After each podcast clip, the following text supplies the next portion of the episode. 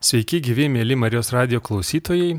Jūsų dėmesio į aktualijų laidą. Mano vardas Rimas Macevičius. Ir šiandien e, laidoje kalbėsime apie popiežiaus Pranciškaus intenciją Liepos mėnesiui, kuris skamba šitaip. Melskime, kad sudėtingose socialinėse, ekonominėse ir politinėse situacijose pajėgtume drąsiai ir uoliai siekti dialogo bei sutarimo.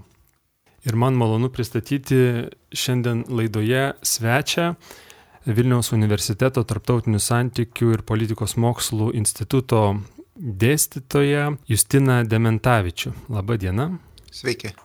Taigi, popiežiaus pranciškaus intencija kviečia melstis, kad sudėtingose socialinėse, ekonominėse ir politinėse situacijose pajėgtume drąsiai ir uoliai siekti dialogo bei sutarimo, Kokios yra tos sudėtingos socialinės, ekonominės, politinės situacijos pasaulyje pastaruoju metu, kurios mums turėtų rūpėti?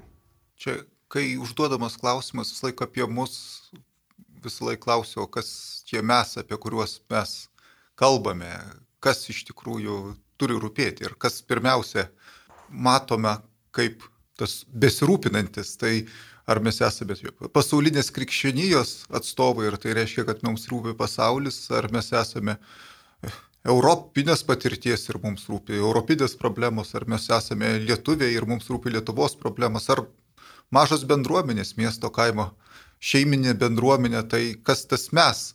Man rodos, popiežiaus intencija labiau kalba apie pasaulio iššūkius pasauliui, bet tie iššūkiai pasaulyje visą laiką atsiduria ir konkrečiose bendruomenėse, ir konkrečia patirtise. Tai jeigu kalbėti apie iššūkius pasauliui, kiekviena problema, jų yra be galo daug.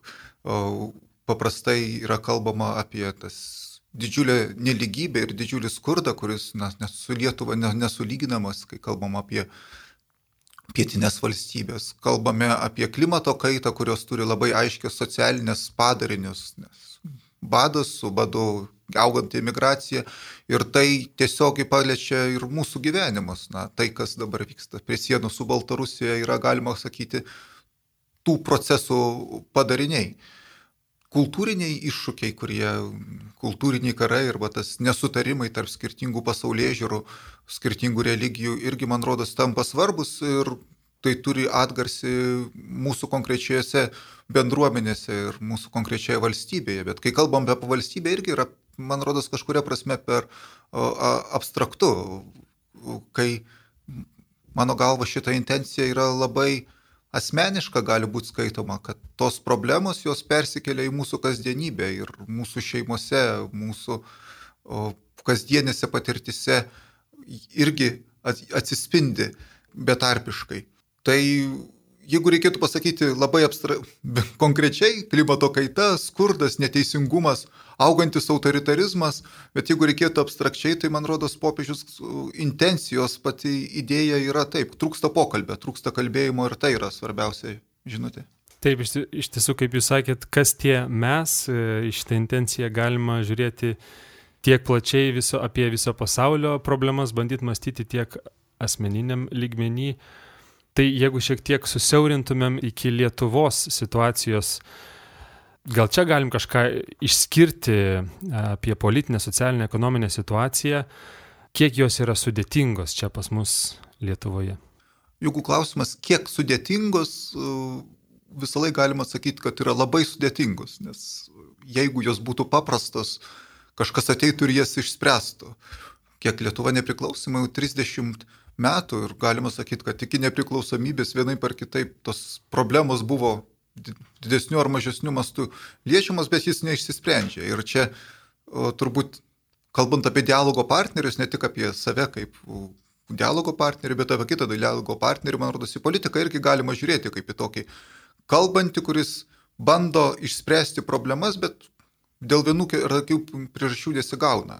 Galima mąstyti apie korupciją, bet iš tikrųjų išspręsti valstybės problema yra sudėtinga. Ir čia, kai kalbame apie tas problemas, yra jau čia kasdienybėje susidurime su socialinius atskirtimi, kuri auga, tam tikras skurdas ekonominis, kultūrinis, kuris persido į mūsų politinę erdvę, na, taps kasdieninėme bendravime, aš nesu tikras, kada buvo kuriama ta intencija, bet aišku, mūsų dabar kasdienis tas gyvenimas yra vienaip ar kitaip sukasi aplink COVID pandemijos ir karantininę patirtį, kuri kūrė naujas problemas, iki šiol negirdėtas ir tas susigyvenimas su jomis vėlgi reikalauja naujų sprendimų, naujo santykio, naujose situacijose atsidūrė žmogus, pradeda elgtis naujai arba yra priverstas elgtis naujai. Ir tai kaip susiliečia su tuo, kas buvo visą laiką na, problematiška pas mus. Mes galim sakyti, kad mes esam pasiekę daug, mes turim demokratinę valstybę ir visą laiką čia pat yra, ką popiežius truputį plačiau kalbėdamas apie tą intenciją ir kai kalbėdamas, man rodos, 2020 m. enciklikoje Fratelli Tutti, kai jis kalba apie populizmo grėsmę, mes esam demokratijai, bet čia pat yra populizmas. Mes matome tikrai beprecedentį ekonominį augimą Lietuvoje, bet tas ekonominis augimas labai išryškina ir tų neturinčiųjų skurdo problemą. Mes lik turime visai veiksnės teisingumo institucijas, kuriomis pasitikėjimas po truputį auga palyginus su tuo, kas buvom. Ir tai yra labai toli nuėjo ir jos yra kur kas geresnės negu, sakykime, mūsų kaiminių Baltarusių teisingumo institucijos, kurios yra iš tikrųjų represyvios ir nuolat yra represyvios. Bet čia pat yra galimybė tą nepasitikėjimą prarasti dėl mažų skandalų, dėl asmeninės patirties, asmeninių susidarimų, nusivylimų. Tai čia problemų daug ir įvairių ir jų tikrai negalima išspręsti vienu tokiu mostelėjimu. Galima, kad tikėti stebuklais, bet nu, kaip čia mūsų kasdieniam gyvenime to stebuklo paprastai neįvyksta. Ar nėra taip, kad čia pas mus Lietuvoje tos e, problemos galbūt yra tokios daugiau ataidinčios. Jūs paminėjot klimato kaitą, taip pat pasaulyje žiūrinius, kultūrinius karus ir gali matyti, kas vyksta toliau nuo mūsų, galbūt vakaruose ir gali numatyti, kad ateis pas mus. Tas prognozuojamumas, e, viena vertus gal tai yra gerai, gali ruoštis, bet ar tai tikrai skatina eiti į tą dialogą, jeigu matai, kad visa tai pirmiausia sprendžiasi ar pradeda spręstis vakaruose, kažkur, kur yra centras, kur visa tai prasideda, iš kur visa tai kyla ir galbūt tai neskatina dialogo, ta prasme, iš esmės problemos sprendimo, jeigu pas mus tai tik tai atsikartoja. Nesutikčiau su tą interpretacija. Iš vienos pusės, na, kai kalbame apie globalų pasaulį, na, paprastai galima jį matyti kaip kiekvienas regionas yra centras.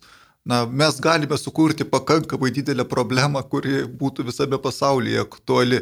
Įsivaizduokim, kad virusas atsiranda pas mus ir jis yra koks nors Lietuvos virusas ir jis sklyda po visą pasaulį, tai mes galim daryti įtaką. Galim daryti įtaką, na, principingai, tarkim, užimdami kažkokią poziciją, na, santykyje su Lukašenka ir tai darydami. Tai čia nereikia savęs taip čia nurašyti, matyti savęs kaip, kaip atsiliekančius.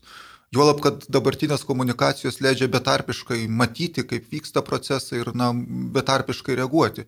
Ir kaip tik, man rodos, jeigu kalbėt apie dialogą, šita situacija sukuria erdvę galimybę dialogui, matyti labai skirtingus perspektyvas, labai skirtingus kitus, bandyti įsivaizduoti, kaip tas kita, kaip aš galiu įsivaizduoti santykių su tuo kitu kurti.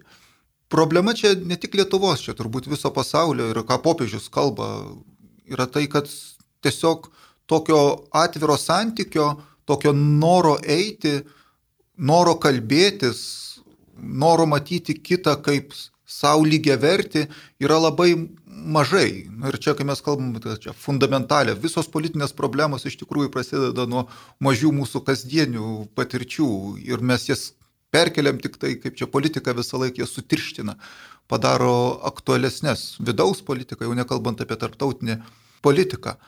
Tai jeigu kalbant apie tą mūsų atsilikimą, tai netgi kažkuria prasme viltingas dalykas.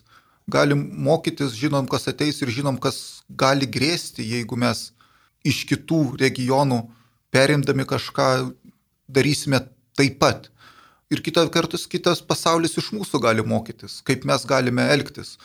Tai popiežiaus intencija pasakyta kažkur Vatikane ir jinai mus greit pasiekė ir mes galim su ją turėti betarpišką santyki, tai, tai yra ir grėsmė, ir galimybė.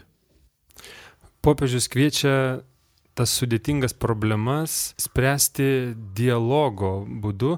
Kiek yra veiksmingas šitas būdas sprendžiant įvairias problemas. Jis toks atrodo galbūt lėtas. Reikėtų gal žengti žingsnį atgal, na, kas yra pats dialogas. Dialogas pats nesprendžia problemos. Dialogas yra tik tai galimybė išspręsti problemą ir kiekvienas sprendimas vienai par kitai prasideda nuo pokalbio. Problemos identifikavimo, tai, nu, sakykime, tai pokalbio su pasaulio, mąstymo apie tą problemą ir čia irgi turbūt nu, intimiausias dialogas, kurį galime turėti, tai dialogas su savimi, Dievu. Ir paskui tik tai mes išeiname į tą pokalbį su kitu. Bet vėlgi, kas yra dialogo principas arba kaip prieiti prie to dialogo tik tada, kai tu kitą pradedi matyti kaip savo lygų arba tokį pat mąstantį, sąžiningą, norinti kurti geresnį pasaulį kaip ir aš. Ir tas noras ir yra tas, kas skatina patį pokalbį. Dabar mes, kai pradedame kalbėtis, mes dar ne, nesprendžiame problemos. Aš čia kalbu su intencija, kad galbūt kažkas susimastys ir paskui savo kasdienybėje tą problemą spręs, bet mano kalbėjimas yra tik tai, kaip čia, pas, pastumėjimas į dialogą, jau prasidedantis dialogas, bet ne pats problemos uh, sprendimas. Tai reikia žinot, ką jis gali padaryti, ko jis negali padaryti. Daro vis tiek jau veikiantis žmogus. Dialogas yra tai, kas yra iki veiksmo du logosai, du savo proto suvokimai, savo teisingumo suvokimai, įstatymo suvokimai, na, turint vis, omeny visą to logos žodžio daugia prasmiškumą. Paminėjot įdomų dalyką, kad dialogas tai lik, lik pripažinimas, kad e, su, tas, su kuriuo kalbės, yra lygiavertis. Um, kartais dabar ir politiniai erdvėjai kažkaip pasijaučia, kad jeigu einama į dialogą, tai yra kaip iš tiesų pripažinimas, kad kitas yra lygiavertis. vertis Um, ar galima dialogą vesti su blogiu? Ir jeigu tu manai, kad tai, tarkim, kita pusė yra blogis, ar verta pradėti su, su, su juo dialogą? O čia gal svarbus labai, aš manau, kad popiežiaus intencijoje tai yra intencija, kai jis kalba apie dialogą, jisai skatina mūsų atsisakyti tokio kalbėjimo apie kaliausės iš vienos pusės, na, kažko susukūrimo ir įsivaizduot kaip dialogas su, kaip čia, abstrakčiais arba nekonkrečiais dalykais. Dialogas yra su konkrečiu žmogumi. Jūs iš tikrųjų žiniasklaida mums patikė, susitiko Rusijos ir Amerikos prezidentai ir kalbasi Rusija ir Amerika. Bet iš tikrųjų, kai jūs susitikot su Rusijos prezidentu ir čia Bušo senas pasakymas, aš pamačiau ten jo akise oi, nepasakyti dabar iškreipsiu ir ne, negražu, bet gal negėrė kažkokią kitą savoką pavartoja, bet nu, tai žmogiškumas, sakykime, taip, Putino.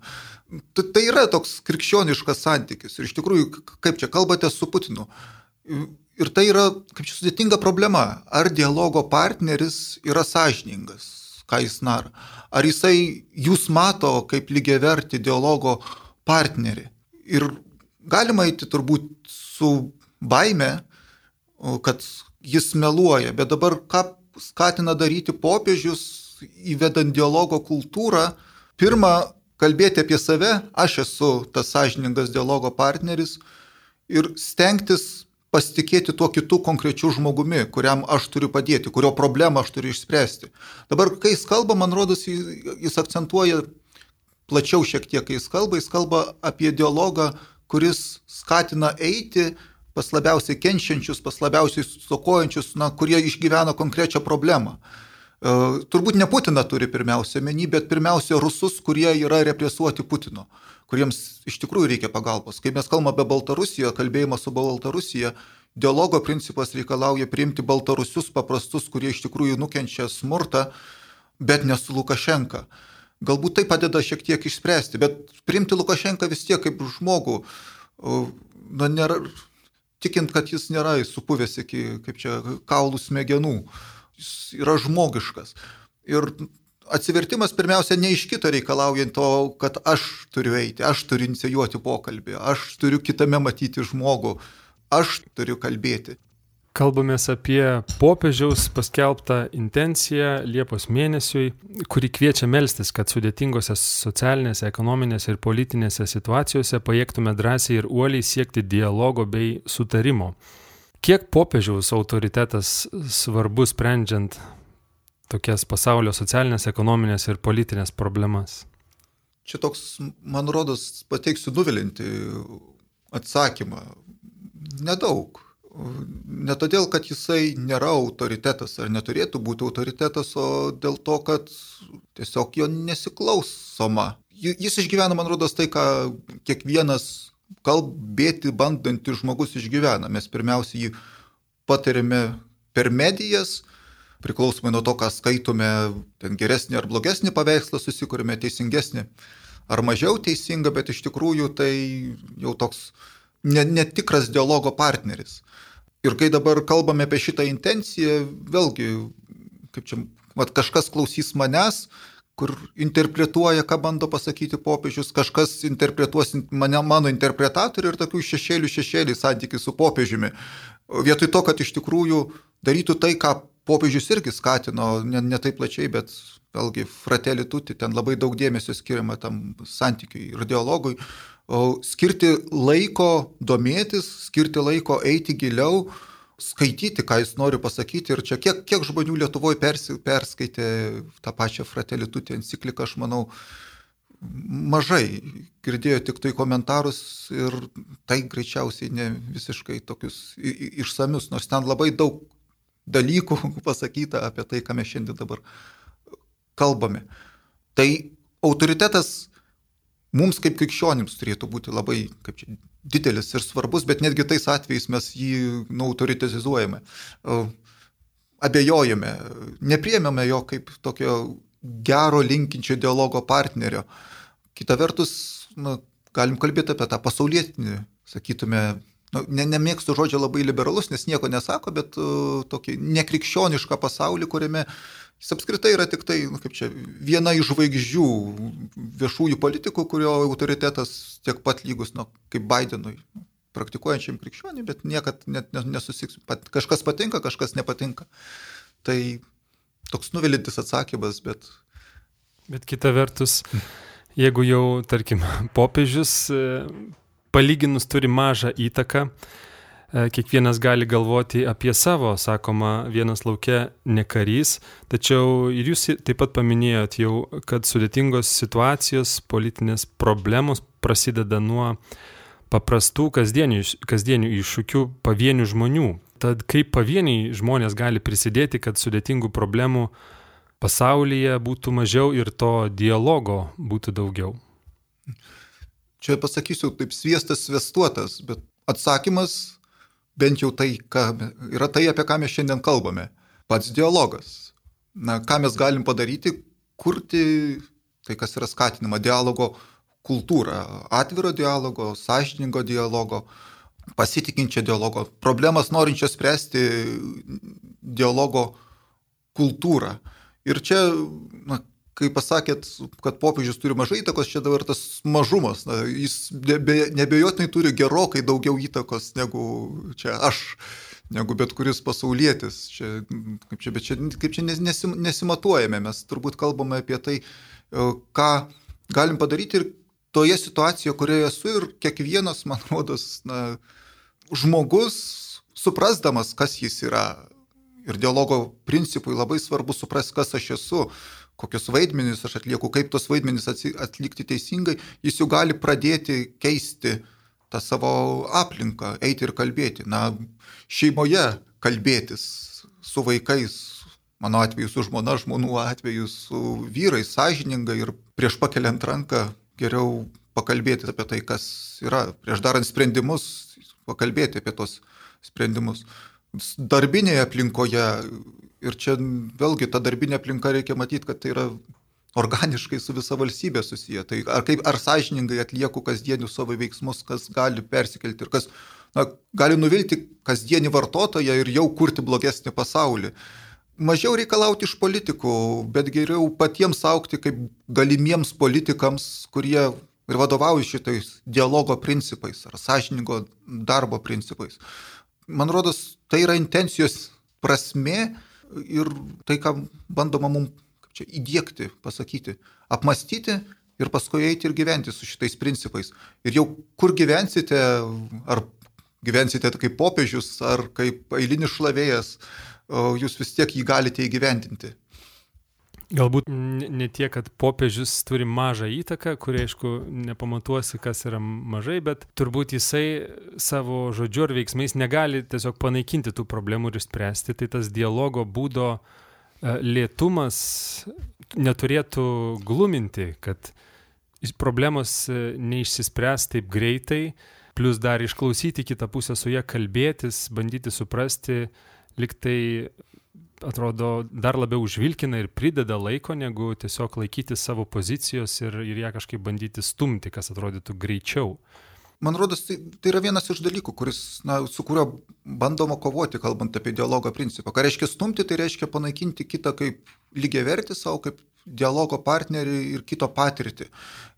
Mes galim, čia aišku, įmintis pirmiausia ateina tokie principingi mūsų priešininkai, bet iš tikrųjų net su neprincipingais priešininkais elgiamės labai panašiai, tuose mažose dalykuose panaikinti jo kaip besikalbančio su manimi santyki. Šitos intencijos iš tikrųjų pagrindinė žinutė netgi yra truputį, na, kaip su kuo polemizuoja, truputį kita. Ką dialogas sprendžia, jis sako, ta polarizacija dabartinė labai didelė. Ir autoritarizmas ateina su polarizacija, kai kitas yra traktuojamas kaip nesutaikomas priešas ir vienintelis būdas priešą išspręsti yra jį išnaikinti, nes jisai grasina man. Ir dabar ta polarizacijos, ta problema, kur yra šiuolaikinė pasaulyje, ne tik Lietuvos, bet čia viso šiuolaikinio pasaulio, tos ideologinės pasaulyje žiūrinės, jinai iš tikrųjų yra tokia na, viena fundamentaliausių, didžiausių ir dialogo principas turėtų ją spręsti. Mėly Marijos radio klausytojai, šiandien aktualijų laidoje e, kalbame apie Liepos mėnesiui paskelbtą popiežiaus Pranciškaus intenciją, kuri kviečia melstis, kad sudėtingose socialinėse, ekonominėse ir politinėse situacijose pajėgtume drąsiai ir uoliai siekti dialogo bei sutarimo. Ir laidoje svečiuojasi Justinas Dementavičius, Vilniaus universiteto tarptautinių santykių ir politikos mokslų instituto docentas. Dialogo principas e, reiškia, kad reikės priimti kompromisus ir kažko išsižadėti. Gal aš taip nežinau, kas vertė lietuvišką tą, ir ten jūs sakote apie dialogą ir susitarimą. Man atrodo, susitarimas jis irgi tame turi tą kompromiso arba to galimybę susitarti dalyką. Aš tiesą sakant, anglišką versiją, ruoždamas į šitai laidai žiūrėjau, ten naudojama žodis friendship, draugystė, dialogo ir draugystės. Primti kitą kaip draugą, turint omeny, kad popiežiaus enciklika buvo Fratelli Turti, visi mes broliai, tai priimti kitą kaip brolį, na tokia labiau krikščioniška. Ir dabar tas klausimas apie kompromisą, jisai čia tik tai pas mus kažkaip gali kilti. Man rodos, vėlgi galima taip iš dviejų pusių matyti patį kompromisą.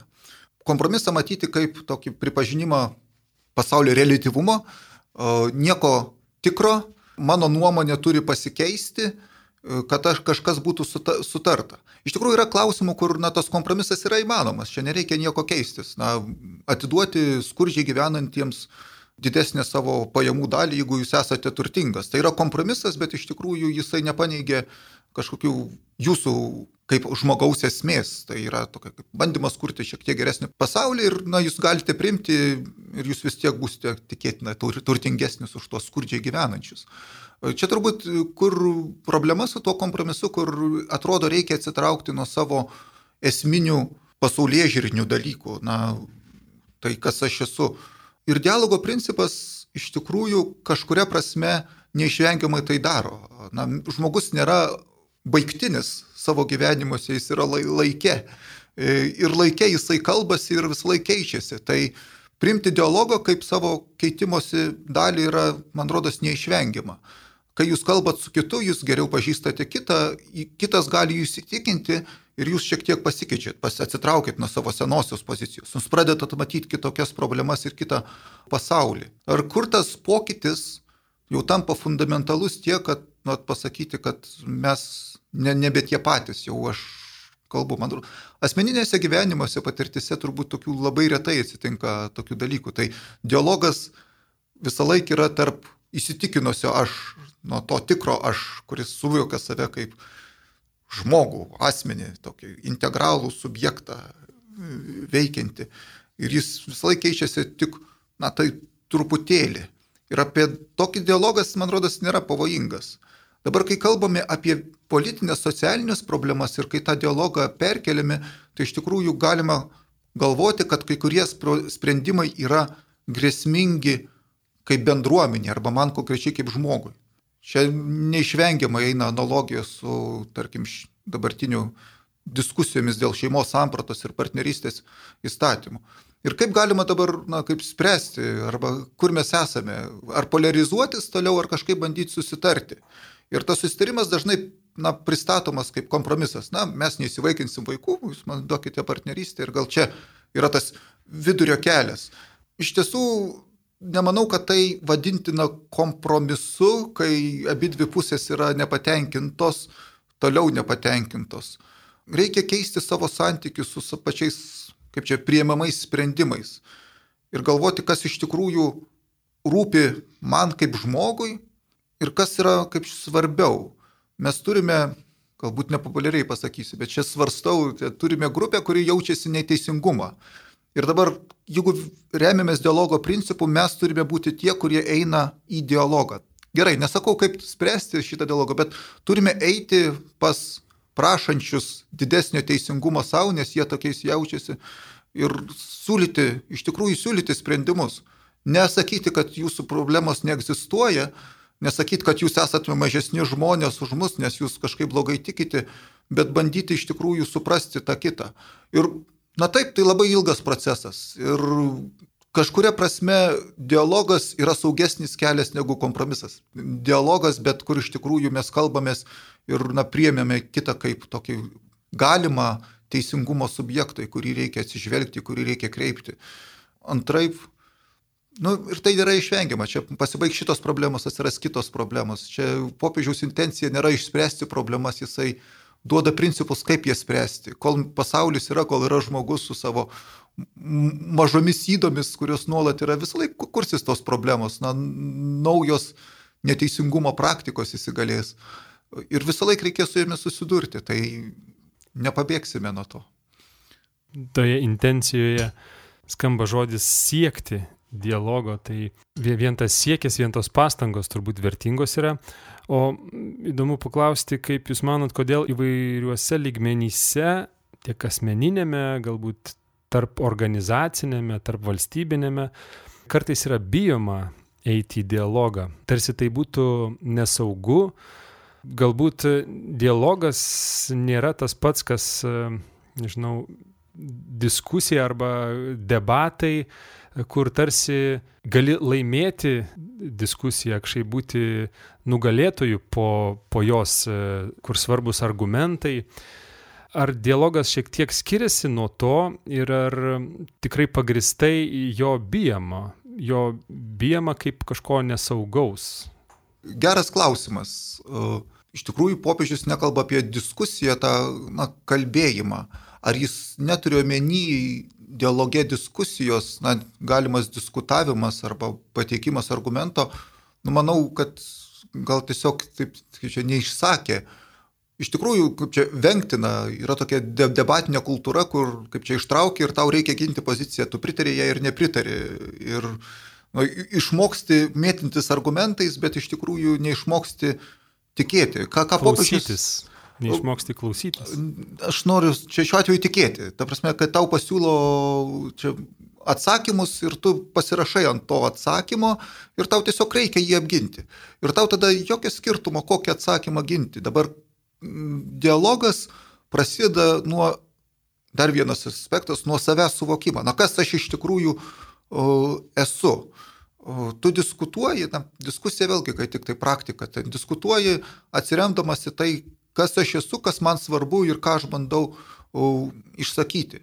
Ir čia jūs paminėjote tą kitą, aišku, žodį yra klausytis, kur išgirsti, ne tik klausytis, bet ir išgirsti reikia mokėti. Mokėti atsakyti, neįžeidžiant kito, na, mokėti apskritai kalbėtis. Ir tai yra išmokstamas dalykas. Aš nemanau, kad visi bijo. Aš net nemanau, kad netgi viešoje erdvėje yra tikrai nu, nuostabių tokių dialogų, diskusijų, nesutarimų, netgi kurie būna pavyzdžių, kurie yra reti, bet juos imi jau kaip čia, kaip perlus. Jie tikrai yra gražus, malonu klausytis. Net jeigu nesutinki su, su nuomonė, bet tu gali priimti tuos argumentus. Ir dialogas yra tas gebėjimas priimti argumentą dar prieš žinant atsakymą argumentą, kuris iš tikrųjų pavojingas, jisai gali pakeisti tavo santykius su savo, na, su savimi pačiu, su, su, su, su tikroviais, galiausiai tave patį perkeičia, per, verčia pakeisti savo poziciją kažkuriuo klausimu. Ir išdrysti tą padaryti, man rodos, na, šis sudėtingas žmogiškas veiksmas, pripažįsti, kad aš esu klystantis. Galbūt dėl to ir bijomasi tokio atviro dialogo diskusijos, Lengviau yra eiti su pritarenčių minė, turėti aplink save tokį saugų, kaip čia ne dialogo, tokio minios monologo, šūkavimo erdvę. Socialiniai, tai kaip kalbam apie Facebooką, sakoma, burbulai socialiniai, bet čia ne tik Facebookas iš tikrųjų. Laikraščiai, kuriuos skaitome, yra tokie saugus, yra žmonės, su kuriais bendraujame. Ir čia toks rusaistiškas yra veiksmas. Jeigu man nepatinka žmogus, aš, aš išeinu. Aš palieku tą, tą, tą visuomenę, bet ką dialogas sako, eikit pas tuos, su kuriais nesutinkate. Na, kas yra integrali visuomenė? Kalbėti su tais, kurie, kurie atrodo na, visiškai nesupras, nesuprantami, nesuprasti. Ypač jeigu jūs turit galios eiti. Jiems paprastai yra sunkiau nueiti pas jūs, negu jums pas juos. Ne visada, aišku, yra pagunda laukti, kol pas tave ateis, bet na, dialogo principas reikalaujantis aktyvaus veiksmo iš paties žmogaus, kuris yra socialinėme, politinėme gyvenime, ekonominėme gyvenime. Tai galbūt, e, ką jūs dabar pasakėte, šiek tiek ir atsako į klausimą, e, popiežiaus pranciškaus kelbiamoje intencijoje skamba žodis, kad pajėgtume. Tai ką reiškia pajėgti plėtoti dialogą, kada esame pajėgus. Galbūt dar galėtumėt kažką pridurti. Aš manau, kad taip, galima aptarti, galim tik sudėti tuos taškus, kad reikalingas savęs vertinimas kaip žmogaus pajėgiančių kalbėti, kito vertinimas kaip žmogaus pajėgiančių kalbėti, gebėti kalbėti, na, irgi išmokti kalbėti yra, gebėti klausytis, gebėti atsakyti, gebėjimas aistras savo numaldyti, nepasiduoti tokiam pagundai šaukti ant tavo priešininko, kuris iš tikrųjų gali pradėti šaukti ir kažkokiu būdu na, surasti tą. Ir, ir tai reikia daug valios tam, tai nėra sudėtinga. Bet, nu, kaip čia, už, už visko, man atrodo, čia slypi tas senas, geras, principinis, uh, mylėk artimą kaip save patį. Na, priimti kitą kaip potencialų draugą, potencialų pokalbio, dialogo partnerį, e, taip kaip lik su savim kalbėtumės. Gal čia toks, ką, ką reiškia pradėti kalbėti, kaip čia pirmą su savimi išmokti kalbėti sąžiningai. Tada galbūt išmoksit kalbėti su kitais, nes kitose irgi esate jūs kažkuria prasme, jūs lygus kitiems. Tas Dievo paveikslas, visi yra pagal Dievo paveikslą, visi gali išpildyti uh, gražiau nutapyti savyje šventąjį arba siekti šventąjį. Mm, tas irgi gražus atsakymas, šalkauskiškas yra. Kiekvienas, ir čia man rodo susijęs su dialogu, kas yra, kas yra šventųjų bendravimas, yra tobulas susikalbėjimas, kur jūs esate. Tai šitame pasaulyje siekti tobulo susikalbėjimo, tai reiškia bandyti būti šventuoju, kasdienėje veikloje. Mm, pabandykite. Ne, labai sudėtinga. Ir paskutinis klausimas, ar Ar yra tokių klausimų, kuriais nėra prasmės renkti dialogo? Ne. Čia vienareikšmiškai. Čia, kai sako, dialogas yra vis tiek bandymas save parodyti ir čia problemą spręsti. Ir na, žmonės tokie skirtingi, jie gali turėti labai skirtingus, kaip čia, asmeninius iššūkus, kurie gali atrodyti labai jokingai. Na, ten, ar jūs palaikote Vokietijos ar Anglijos rinktinę? Nu, keista apie tai turėti dialogą, bet va tiems žmonėms kažkuriuo metu, kurie apie tai kalbės, bus labai kaip čia svarbus. Čia. Ir vien apie tai išmokti kalbėti su pagarba jau yra žingsnis į tą dialogą. Tai kiekvienas net ir mažiausias pokalbis su kitu jau yra žingsnis į to dialogo principo įsisamoninimą. Jo gebėjimą perkelti į situacijas, kur bus netokios svarbios kartais už Vokietijos ir Anglijos futbolo rinktinių ten kurios pasirodė svarbesnės, bet jūs jau žinote, kaip kalbėti, žinot, kaip savo aistras numaldyti, žinot, kaip išklausyti ir žinot, kaip atsakyti, kad tas dialogo partneris nesižiūrėtų įsižeidęs ir norėtų su jumis tęsti pokalbį ir matyti, kad jūs irgi norite jam padėti suprasti.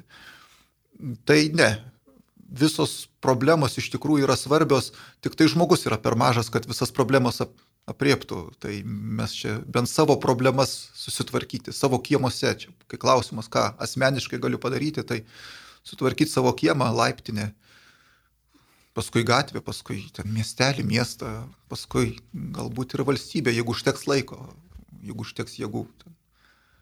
Ačiū Jums labai, Justinai, už šį pokalbį.